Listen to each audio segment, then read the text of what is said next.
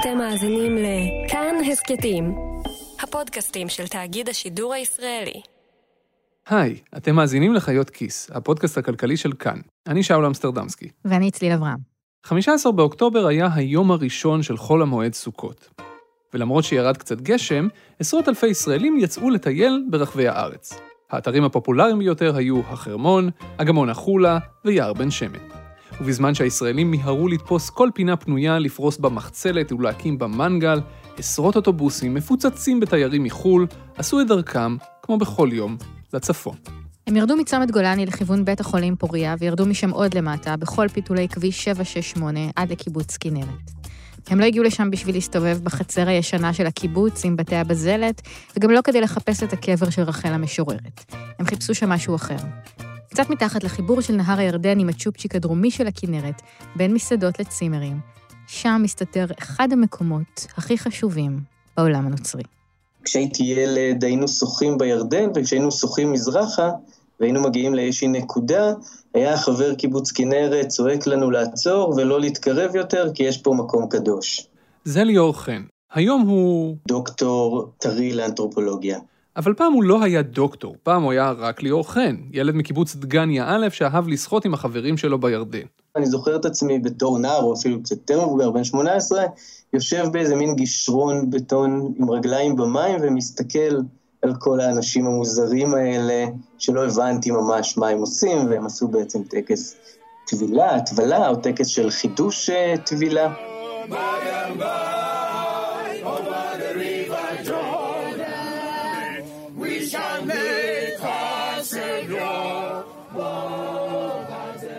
האנשים המוזרים האלה של ליאור חן ראה טובלים במי הנהר, הם נוצרים מאמינים שעשו את כל הדרך לישראל, את כל הדרך עד לאתר הירדנית, בין דגניה לכנרת, בשביל לטבול באותם המים שבהם ישו טבל.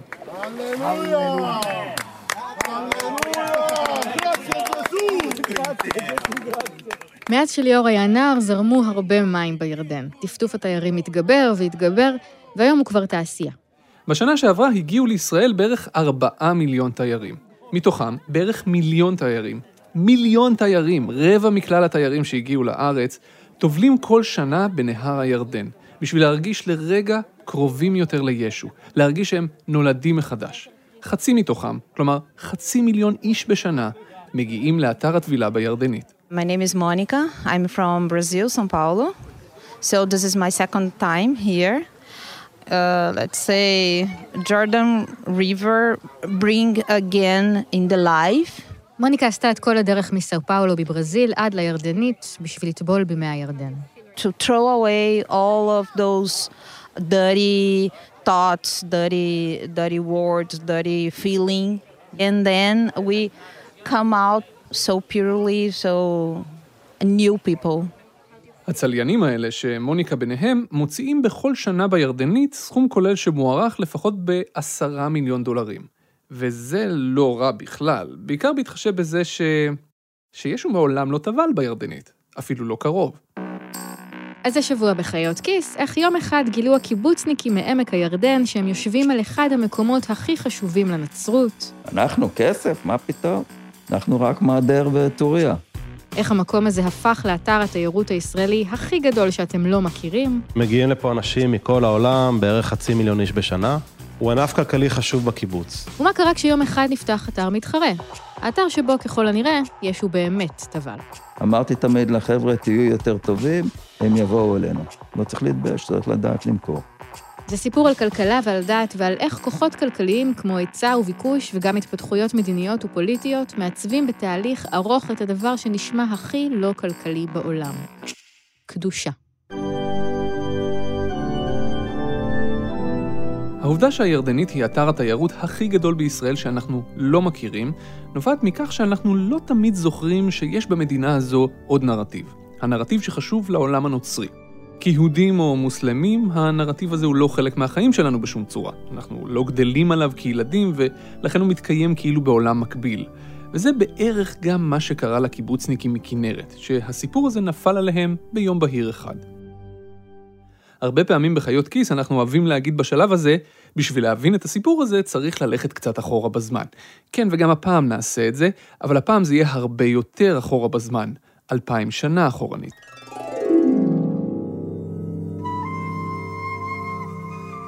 ויהי בימים ההם, ויבוא ישוע מנצרת אשר בגליל, ויתבל על ידי יוחנן בירדן.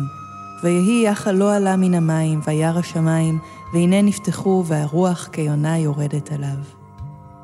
מתוך הבשורה על פי מרקוס.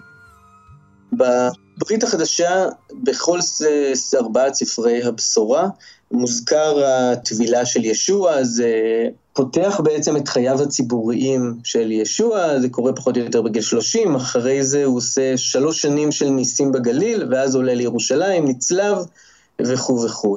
זה שוב דוקטור ליאור חן. ליאור הוא דוקטור לאנתרופולוגיה שחוקר מקומות קדושים, איך הם נוצרים, מאין הם באים, מה הדינמיקה שהופכת אותם לקדושים. את עבודת הדוקטורט שלו הוא כתב על אתרי טבילה. במשך חודשים הוא ראיין עשרות אנשים. פקידי ממשלה, מורי דרך, צליינים, גורמים בכירים בכנסייה הנוצרית, ארכיונאים, מי שאתם לא רוצים. הוא נסע הלוך ושוב, הלוך ושוב, קיים תצפיות, קרא מסמכים מלפני מאות שנים, ובסופו של דבר, הרכיב פסיפס מרתק של אתרי הטבילה. כן, אתרי הטבילה, ברבים. זה מוזכר בכל ארבעת הבשורות, אבל בסיפורים טיפה שונים. יש פרטים קצת שונים, אזורים טיפה שונים, וזה משאיר מרחב פרשנות למי שרוצה להחליט שהוא לאו דווקא נטבל בדרום הנהר, אלא במקומות אחרים.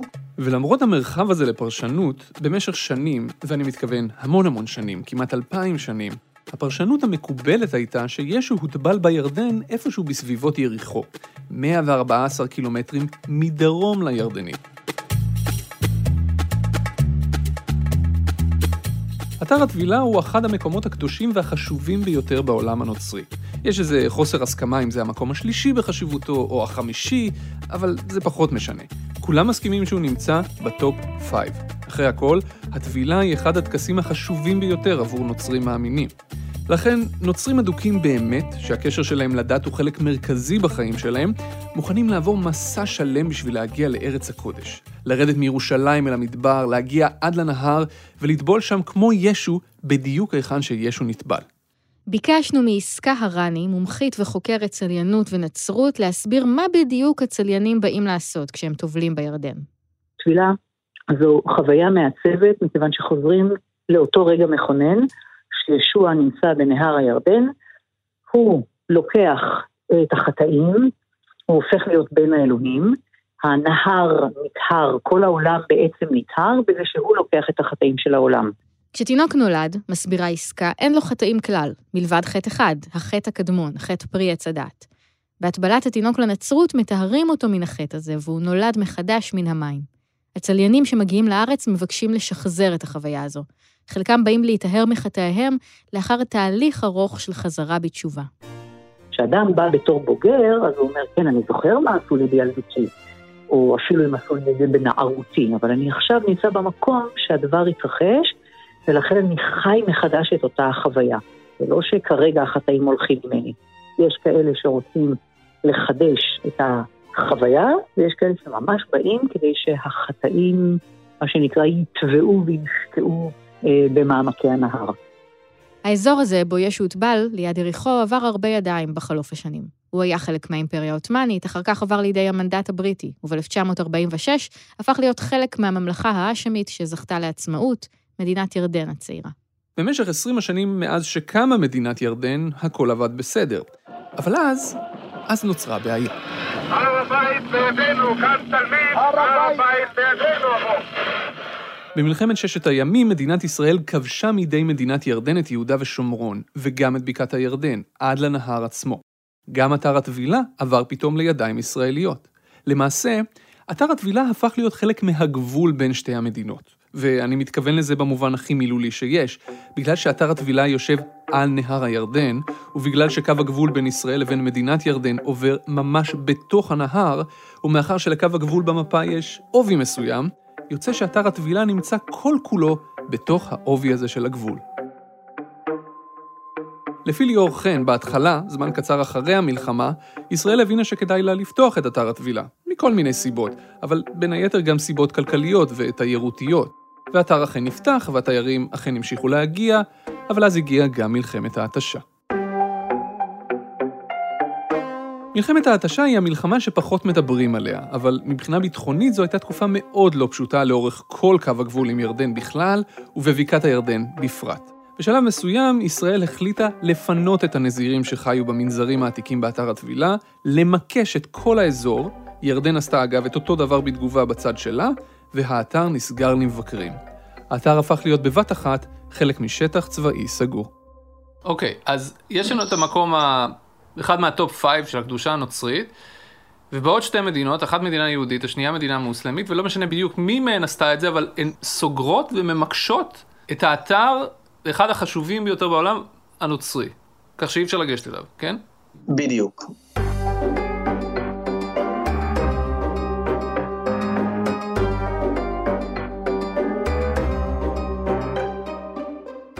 אם נסתכל על אתר הטבילה כמוצר כלכלי, ההחלטה של ישראל להפוך אותו לשטח צבאי סגור היא שקולה לחיסול מוחלט של ההיצע.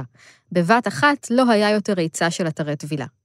אבל היופי בעולם הזה הוא שההיצע לא פועל לבדו, מולו יש גם ביקוש. ובמקרה הזה הביקוש מונע מאמונה דתית, והיופי באמונה זה שאם היא חזקה מספיק, עניינים טכניים כמו שטח צבאי סגור לא ירתיעו את המאמינים מלהגיע קרוב ככל האפשר אל המקום שהם רוצים להגיע אליו. ובמציאות החדשה שנוצרה, המקום הכי קרוב לאתר הטבילה המקורי, שאפשר היה להגיע אליו יחסית בנוחות, היה החלק הצפוני של הירדן, אי שם על כביש 90, ליד הצ'ופצ'יק של הכנרת. זקני דגניה ובכלל אנשים מבוגרים מהאזור זוכרים באמת נוצרים, יורדים, מחליפים בגדים בלי שירותים, מסתכנים בחייהם בגלל הכביש הראשי. לפני זה הם היו עושים את זה בצורה אה, ספונטנית על יד הכביש, על יד אה, דגניה א'. זה יונתן בוברוב, חבר קיבוץ כנרת, שהיה אז בשנות ה-20 לחייו. יורדים, מתפשטים, מתלבשים, מתנגבים. פעם אפילו הייתה תאונה שם, מישהו נהרג, ואז החליטו לעשות את זה מוסדר, ובאו לקיבוץ כנרת, אמרו, אנחנו רוצים פה לעשות את המקום. וכך יצא שאתר טבילה חדש עמד לקום, בין קיבוץ דגניה לכנרת, במקום שישו מעולם לא טבל בו.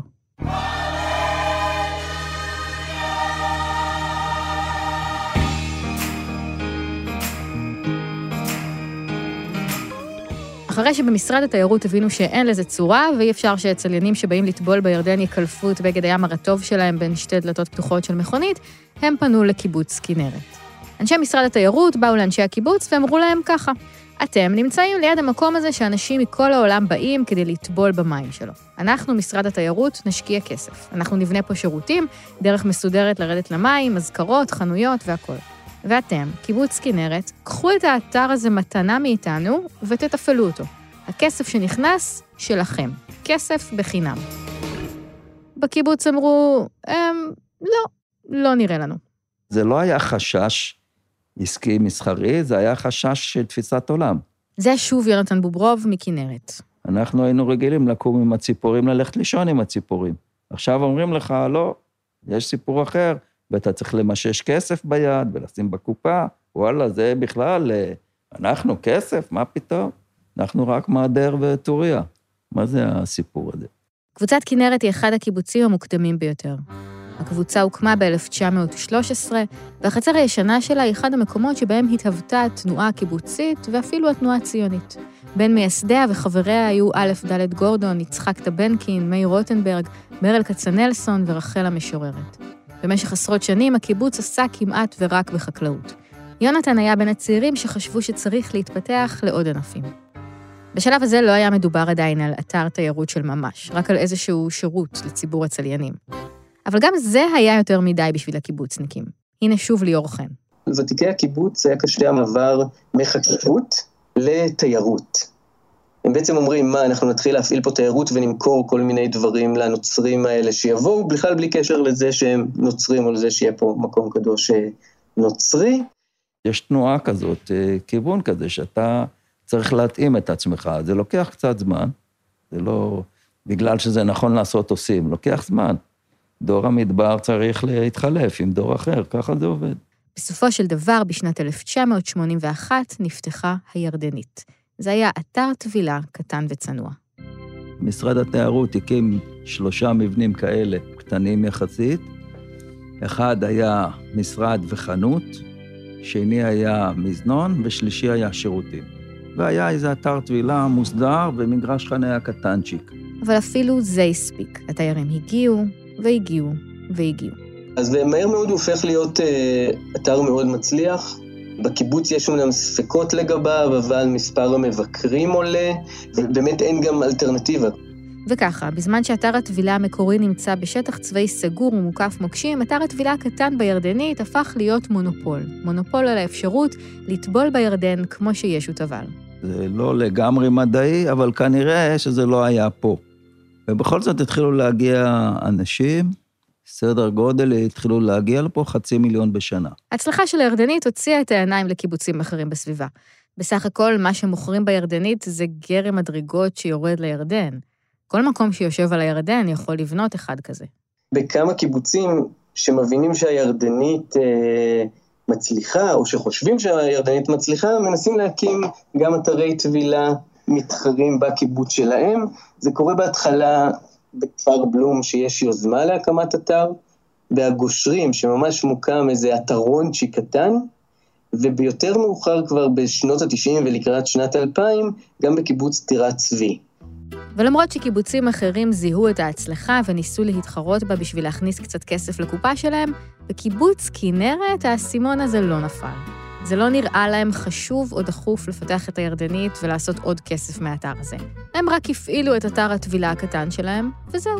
בהתחלה הם באמת ראו את עצמם כמתקן לצליינים מאוד פונקציונלי, והם לא כל כך חשבו כלכלית. לאורך שנות ה-80 כל הזמן מציעים להם פרויקטים, מציעים להם להקים איזה מיני גולף, מציעים להם להקים מפעל למים מינרליים. והם כל הזמן נזהרים, אולי זה גם קשור לזה שהם מנסים לא לערבב קודש וחול והם נזהרים ממסחריות. בשנות ה-90 משהו השתנה, או בעצם שני דברים השתנו. הדבר הראשון שהשתנה, הירדנית עמדה לאבד את הבלעדיות.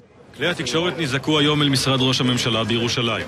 ממשלת ישראל והנהגת הארגון לשחרור פלסטין סיכמו על הצהרת עקרונות שאמורה להיחתם השבוע בוושינגטון עם חידוש השיחות בין משלחת ישראל ומשלחת הפלסטינים. הסכמי אוסלו היו סדרה של כמה הסכמים שנחתמו בין ממשלת ישראל לבין אש"ף בתחילת שנות ה-90. ההסכמים אפשרו את הקמת הרשות הפלסטינית, והעבירו את מלוא השליטה בערים הפלסטיניות ביהודה ושומרון ועזה לידי הרשות. הם גם קבעו שבכפרים הפלסטינים הגדולים השליטה הביטחונית תישאר בידי ישראל, והשליטה האזרחית תהיה בידי הרשות. ואילו ביתר שטחי יהודה ושומרון, בשטחי C, היכן שגרים המתנחלים היהודים, שם ישראל תמשיך לשלוט גם מבחינה ביטחונית וגם מבחינה אזרחית. שטחי בקעת הירדן, למעט מובלעת יריחו, הפכו לשטח C אחד גדול. ישראל המשיכה לשלוט בכולה הלכה למעשה. הסכמי אוסלו וגם הסכם השלום עם ירדן, שנחתם באותה תקופה, הביאו תנופת פיתוח לאזור. ביריחו בנו הפלסטינים קזינו. ישראל סללה כבישים עוקפים שהפכו את התנועה לנוחה ומהירה יותר. והקיבוצניקים בכנרת הבינו שאם זה ימשיך כך, בקרוב תהיה להם תחרות. מתחילים להבין גם בבקעת הירדן וגם אנשי כנרת, שיכול להיות שעוד מעט הסכמי אוסלו יקרה בכלל הבקעה או תיפתח, ואז אזור הירדן לא יהיה כבר שטח צבאי סגור. ובכנרת אה, מתחילים להיות אה, מודאגים. ולא סתם תחרות. למתחרים יהיה, לכאורה, יתרון מוחץ. כי הירדנית היא אולי אתר הטבילה הרשמי, אבל המקום שבו ישו טבל בירדן, זה קרה בקאסר אל-יהוד, אתר הטבילה על יד יריחו. זה האבו שוקרי המקורי של אתרי הטבילה. ובאותה תקופה השתנה עוד משהו. הקיבוץ עצמו השתנה. אני קושר את זה גם לתהליכי ההפרטה ובהתרחבות של התיירות הקיבוצית, הם כל הזמן חשבו איזה עוד כאלה יעד אנחנו יכולים להגיע, קהל היעד הנוצרי, הצלייני, הוא תמיד למול עיני אנשי התיירות בישראל. וכאן נכנס לתמונה יונתן בוברוב. מבחינתו הסיפור הגדול, האנתרופולוגי, הכלכלי, הלאומי, זה בסך הכל סיפור. בחיים שלו הספציפיים, כל זה היה הרבה יותר אישי. אני נולדתי פה בקיבוץ, אבל uh, חזרתי מלימודים ונכנסתי להיות מנהל המגזר העסקי, ואז הסתכלתי על מה קורה פה במקום הזה, ואני רואה שיש חצי מיליון מבקרים, והכנסה של ככה משהו כמו שלושת רבעי מיליון דולר בשנה, הכנסה, זה לא רווח. לקיבוץ גדול כמו כנרת זה נחמד, זה לפצח גרעינים בשבת. יונתן הרגיש שאפשר לתרגם את הפופולריות הזו גם לרווחים גדולים. ואז באתי פה למנהלת, שהייתה הרבה שנים, ואמרתי לה, תשמעי, זה, חייבים לנצל את ההצלחה הזאת. בואי נפתח את האתר הזה. הקמנו מגרש חנייה שראית אותו גדול, הקמנו את החנות המזכרות, במשך השנים הוספנו אתר טבילה, מבנה שירותים חדש. והם באמת עשו את זה. וזה היה ב-1998, ראשון לינואר 1998, פתחנו את האתר החדש. אתר הטבילה החדש בירדנית הפך להצלחה גדולה, וליאור חן מספר שבמשך שנים הוא היה הענף הכי רווחי של הקיבוץ. אבל כמו שאנשי הקיבוץ חששו, תוך כמה שנים, אתר הטבילה המקורי חזר למשחק.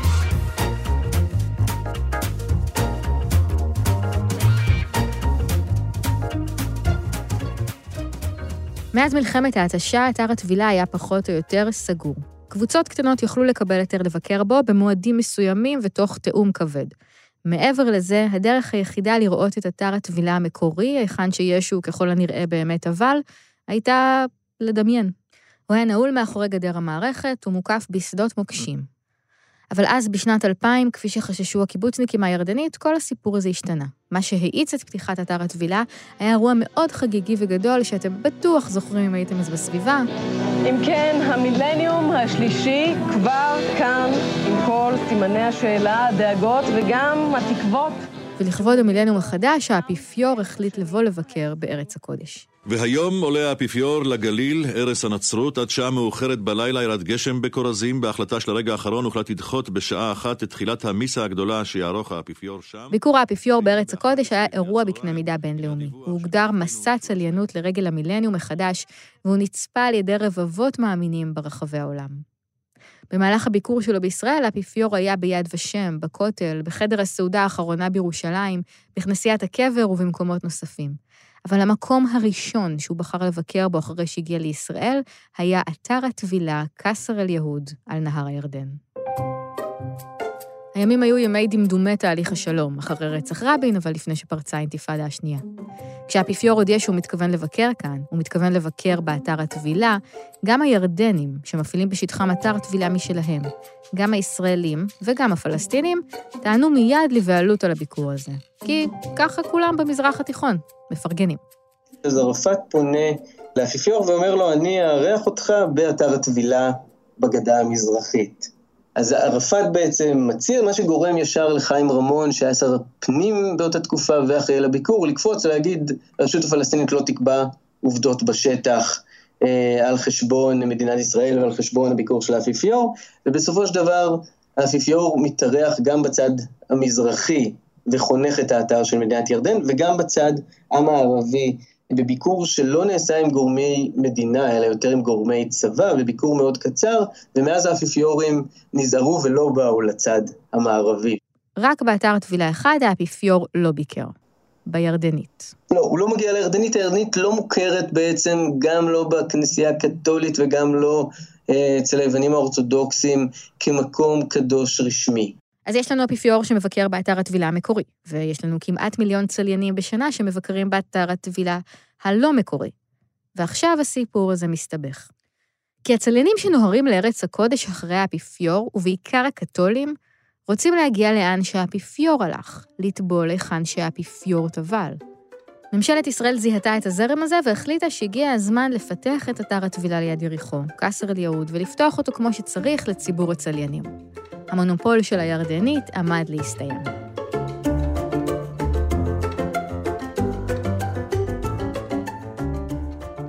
מפה לשם זה לקח 11 שנה. ממשלה, אתם יודעים, זה דבר שזז נורא מהר. אני מכיר את הסיפור הזה מגוף ראשון, כי בדיוק בתקופה הזו הייתי בצבא, ויד המקרה היא ששירתתי בדיוק בגוף שהיה אחראי על הסיפור הזה, המינהל האזרחי, ביהודה ושומרון. המינהל האזרחי, הגוף שהחליף את השלטון הצבאי אחרי הסכמי אוסלו והיה אמון על שטחי C, החליט לפתוח את האתר. וזו הייתה חתיכת אופרציה מסובכת. אחרי הכל, אנחנו מדברים על קו הגבול, על שטח צבאי סגור, שטח שמלא במוקשים שאף אחד כבר לא באמת יודע להגיד איפה הם. איך פותחים דבר כזה לתנועה שוטפת של אוטובוסים מלאים בצליינים? אבל אחרי הרבה מאוד מאמצים, והמון המון בירוקרטיה ופוליטיקה וגם אינתיפאדה שנייה באמצע, ועם הרבה מאוד דחיפה של המועצות האזוריות, בסופו של דבר זה קרה. ב-2011, אתר הטבילה המקורי, בדרום הנהר, קצת לפני הנקודה שבה הירדן נשפך לים המלח, נפתח לציבור. אנחנו נוסעים פה בין שדות תמרים באיזה כביש קטן ומוזר שמתפצל מכביש 90.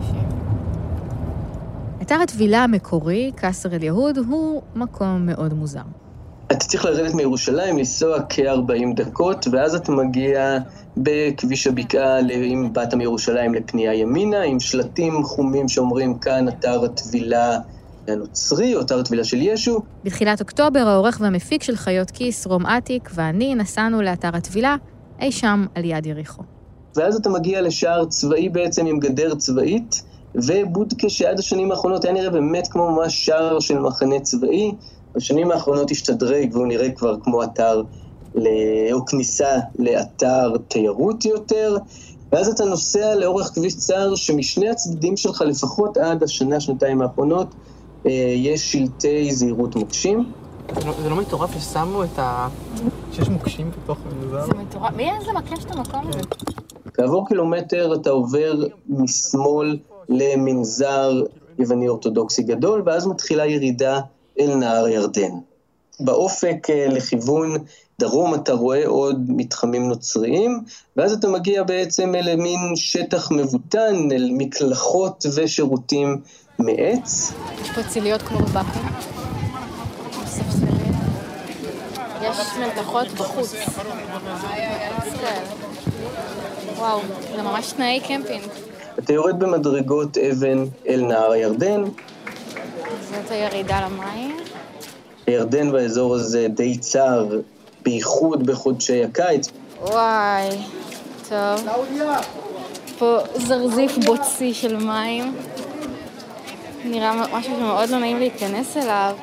אתה יכול לרדת אל המים ויש אה, לשטח קטן שמגודר או מסומן, וכתוב לך שם לא לחצות, כי זה הגבול בין ישראל לבין ירדן. וואו, תראה, יש שלטים גבול לפניך. כאילו זה הגבול בעצם, לא? זה ירדן. מה שאת רואה זה ירדן. זה ממול, זה אתר הירדני? הסוכות ממול? כן, בטח. אנשי הירדנית ראו את קאסר אל-יהוד נפתח למבקרים, וראו את המספרים משתנים. חלק מהזרמים הנוצרים הצביעו ברגליים והעדיפו להגיע לאתר הטבילה המקורי, ולא לירדנית. על פי העבודה של ליאור חן, לפני פתיחת קאסר אל-יהוד ביקרו בירדנית בין 500 ל-700 אלף מבקרים בשנה. אחרי פתיחת קאסר אל-יהוד, מספר המבקרים בירדנית ירד אל מתחת לחצי מיליון. מבצע צוק איתן העמיק את הפגיעה במספר המבקרים, שהתייצב ב-2016 על 400 אלף. מספר המבקרים בקאסר אל-יהוד, לעומת זאת, זינק, מ-100 אלף צליינים בשנה הראשונה לפתיחתו, עד ליותר מחצי מיליון בשנה כיום. אנשי ירדנית הבינו שלהמשיך להיאחז בחלק הקדוש של המקום הקדוש שלהם, לא מניב להם הרבה, וקיבלו החלטה אסטרטגית לשנות כיוון. הם החליטו להתמקד ביתרון היחסי שלהם. זה היה ברור לי שזה ייפתח מתישהו, לא תלוי בנו, והם שיחליטו, אנחנו צריכים להיות טובים, צריכים לתת שירות טוב. האסטרטגיה של אנשי הירדנית הייתה פשוטה וחכמה. בקאסר אל-יהוד יש אותנטיות, סבבה. פה בירדנית, פה מה זה כיף. אם שם יש מלתחות בשמש הקופחת של בקעת הירדן ותור לכיור של השירותים, כאן יש שתייה ואוכל ואווירה של אתר קייקים. במילים אחרות, אם שם תמצאו קדושה, אצלנו תקבלו חוויה. יש פה כמו סופרמרקט של מזכרות, איך נראה שם? והמון המון תיירים, סליחה. וואי, הנה הם טובים. הביקור בירדנית לא עולה כסף בכלל, הוא חינמי לחלוטין. אנשי ירדנית עוטפים את החינם הזה בהרבה מאוד מוצרים ושירותים שהצליינים יכולים לרכוש. מאות אנשים מתנקזים מהאוטובוסים אל מבנה גדול בכניסה. מצד ימין יש עמדות מידע, ומצד שמאל סופרמרקט של מזכרות. כמו סניף קטן של שופרסל, אבל מלא בכל מזכרת שאפשר לדמיין מישראל. מים מהירדן בבקבוקון קטן תלוי על השרשרת, יינות, תמרים, סילן, בובות של גמלים, T-shirts של צה"ל. ליד הדלת יש עמדת השכרה שבה אפשר לשכור או לקנות ערכת טבילה, מגבת, חלוק לבן ללבוש מעל בגד הים ותעודה. זה מאוד חשוב להם. באמת? אם במקרה, במקרה שתכון, אני מקבלת מיילים, אנחנו... זה, בבקשה. מי שאתם שומעים פה היא שרית גני, מנהלת השיווק של הירדנית. מביתן הכניסה היא מלווה אותי אל טיילת גדולה ומטופחת. לאורכה יש מסעדה, דוכן מיצי, מזנון, מלתחות ומקלחות, ולכל אורכה לוחות אבן גדולים, שעליהם הפסוק מהברית החדשה על הטבילה של ישו בכל שפה אפשרית, כולל ארמית, מנדרינית, קנטונזית ושני ניבים שונים שמדוברים בניגריה. סקוטית, גלית, וייטנאמית. לא, אני רואה בהמון שפות יש פה. מהטיילת יורדים למים שישה גרמי מדרגות רחבים. בקצה כל אחד מהם אגן טבילה, שהוא סוג של מעקה בתוך המים שמגדיר לקבוצה היכן לטבול. זה נמשך ונמשך, כאילו המקום הזה גדול ממה שנראה בהתחלה. בקצה הטיילת יש גינה עם עצים שנטעו פסטורים מפורסמים מרחבי העולם. פסטורים זו הגרסה הפרוטסטנטית של כמרים. מעט אחר כך אגן טבילה נסתר נוסף, קטן וצנוע יותר, תנ"כי קוראים לזה פה, שמיועד למיסות לקתולים. על לוח מודעות תמונות של סלבריטיז שביקרו בירדנית. מיני וסוזה. מתי הם היו פה, אני לא זוכרת. וזה פה... וויטני יוסטון. באקסטריט בויד. החגיגה האמיתית קורית למטה, במים. שם יש טבילה בסינית ליד חבורה מברזיל ששרה בפורטוגזית. קבוצה רוסית טובלת כשמתבוננים בה תיירים אמריקאים. עובדי קרוזים שירדו מהספינה בחיפה הבוקר מגיעים לטבול, אחד מהם מהודו ושניים מהפיליפינים. For me, this is the Holy Land. For me, this is one of the greatest achievements for me because this is once in a lifetime experience, as well as being as a Catholic. Yes. זה מין עולם קוסמופוליטי ורב-תרבותי נסתר מן העין. כזה שכשמסתכלים עליו אפשר לדמיין איך היה נראה העולם אם היה שלום. וזה גם עולם ממוסחר עד הטיפה האחרונה. עד כדי כך שבמסעדה של הירדנית מגישים דג שככל הנראה ישו אכל. אמרתי תמיד לחבר'ה, תהיו יותר טובים, הם יבואו אלינו. וגם לדעת למכור. לא צריך להתבייש, צריך לדעת למכור. היתרון הזה משחק תפקיד לא רק אצל התיירים, אלא גם אצל מי שהרבה פעמים מחליטים בשבילם לאן הם ילכו, מדריכי הטיולים. לפחות עבור חלק מהם, להגיע למקום קרוב ומסודר עם צל ומים ואוכל, היה יותר חשוב מלהגיע בכביש קטן בשטחים בין שדות מוקשים לאתר המקורי.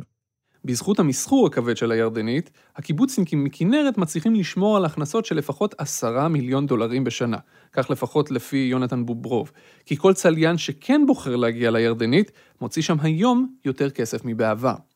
והסכום הזה, אגב, עשרה מיליון דולר, גבוה יותר מההכנסות שעושים אתרי התיירות הישראלים הפופולריים ביותר. קיסריה, מצדה, כל אחד מהם מכניס פחות כל שנה. למעשה שניהם ביחד מגיעים בערך לאותן ההכנסות של הירדנית. ואם זה עובד להם, נשאלת רק השאלה, למה זה לא קורה באתר הטבילה המקורי? למה אף אחד לא מפתח אותו כמו שצריך? למה הצליינים שמגיעים לשם צריכים להסתפק במקלחות עץ ובשמש היוקדת של בקעת הירדן? ולמה כל יום בשלוש בצהריים האתר נסגר, גדר המערכת ננעלת והמקום שוב הופך להיות שטח צבאי סגור עד לבוקר המחרת? ולמה למרות ידיעות על כך שאחרון המוקשים פונה מהאזור, עדיין אפשר לראות שם שלטי זהירות מוקשים בכל מקום? יש מי שהיו רוצים להרים את הכפפה הזו, המועצות האזוריות, שבשטחן נמצא אתר הטבילה המקורי. הן סבורות שהוא עדיין לא מממש את מלוא הפוטנציאל שלו. הן היו רוצות לקבל את האתר לאחריותן, בשביל למסחר אותו מסחור הגון, כמו שעשו בירדנית, אולי אפילו יותר. אז הטענה של המועצות האזוריות, של ראש המועצה של בקעת הירדן הנוכחי, היא שהמקום צריך לעבור לידיים אזרחיות, כלומר לבקעת הירדן, כדי שהוא יוכל לשרת כלכלית וגם פוליטית יותר טוב את אנשי בקעת הירדן, כי הם יכפילו וישלשו את מספר המבקרים, הם יוכלו להקים במקום מלון, ואז אנשים יישארו לישון שם, הם יפתחו מרכז מבקרים גדול עם מסעדות וחנויות. התשובה לשאלה הזו, למה זה לא קורה, נעוצה ביחסי הכוחות בין הכלכלה לפוליטיקה. כי עם כל הכבוד לכסף, במקרה של אתר הטבילה, הפוליטיקה גוברת. זה מה שקורה כשמדינה יהודית שולטת באתר הנוצרי מהחשובים ביותר, בתוך תא שטח שהרשות הפלסטינית רואה בו שטח כבוש.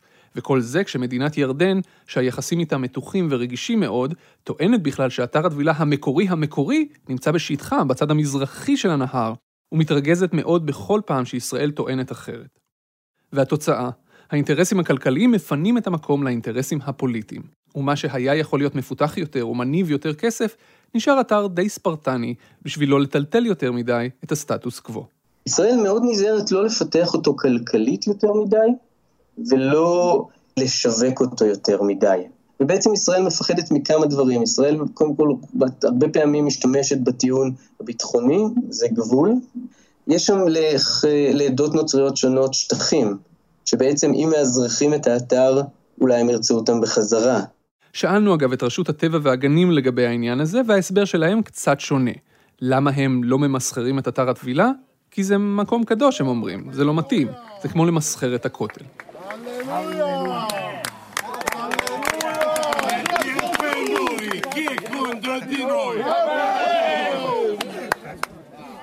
גם ליאור חן ואני דיברנו על הכותל. זה היה לקראת סוף השיחה שלנו, כשהוא סיפר לי איך חלק גדול מהמרואיינים שלו יהודים שעובדים באתרי הטבילה, הצליחו להתחבר לחוויית הקדושה של הצליינים הנוצרים דרך החוויה שלהם עצמם בכותל המערבי. בסופו של דבר, כנראה שתחושת קדושה היא פשוט תחושת קדושה, וזה לא כל כך משנה מה הדת שלך. ויש לזה כנראה סיבה טובה. כולנו פשוט בני אדם, אנחנו מכוותים באותה צורה. מקומות קדושים הוקמו, מוקמים על ידי בני אדם, על ידי סוכנים אנושיים, משלל סיבות חברתיות, כלכליות, פוליטיות, ובתפיסה שלי זה לא שמקום באמת, לא שבאמת אלוהים מופיע במקום והתגלה.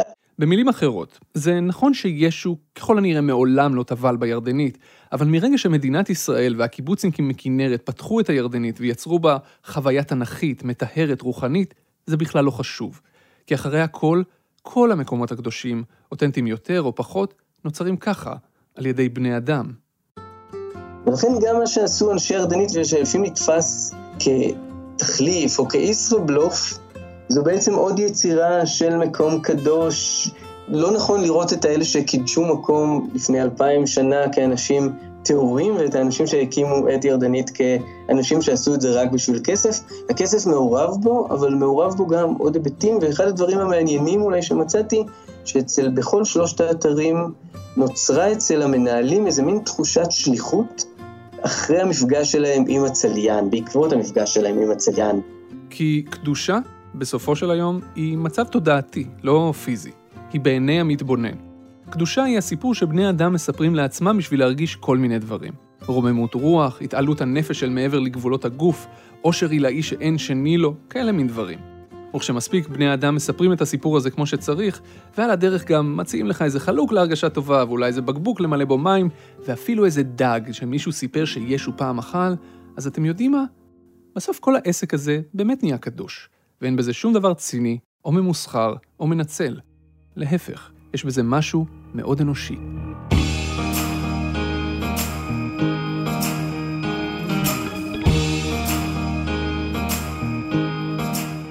אתם האזנתם לחיות כיס, הפודקאסט הכלכלי של כאן. הפרקים שלנו זמינים בכל אפליקציית פודקאסטים וגם באתר כאן.org.il. אם אתם רוצים לקרוא את העבודה המלאה של ליאור חן על שלושת אתרי הטבילה בנהר הירדן, שמנו לכם לינק בעמוד של הפרק. אל הדוקטורט של ליאור חן ולסיפור של הירדנית הגענו דרך דף הפייסבוק בחברת האדם, ודרך מי שיצר אותו, האנתרופולוג לירון שני. אז תודה לירון, לכו לפייסבוק ותנו לו בלייק. ואם אתם כבר בפייסבוק, אז למה שלא תצטרפו לקבוצה שלנו, חיות כיס? אפשר לדבר איתנו שם על הפרק הזה, להציע פרקים נוספים על נושאים מאוד מאוד משונים, או לקטר על תלאות הבירוקרטיה שלכם. אנחנו כבר כמעט בעשרת אלפים חברים, ואנחנו מחכים רק לכם. את הפרק הזה ערך והפיק העורך והמפיק שלנו, רום אטיק, על הסאונד אסף רפפורט. במערכת חיות כיס חברה גם דנה פרנק. תודה רבה צליל אברהם. תודה שאול אמסטרדמסקי. ותודה רבה לכם שהאזנתם.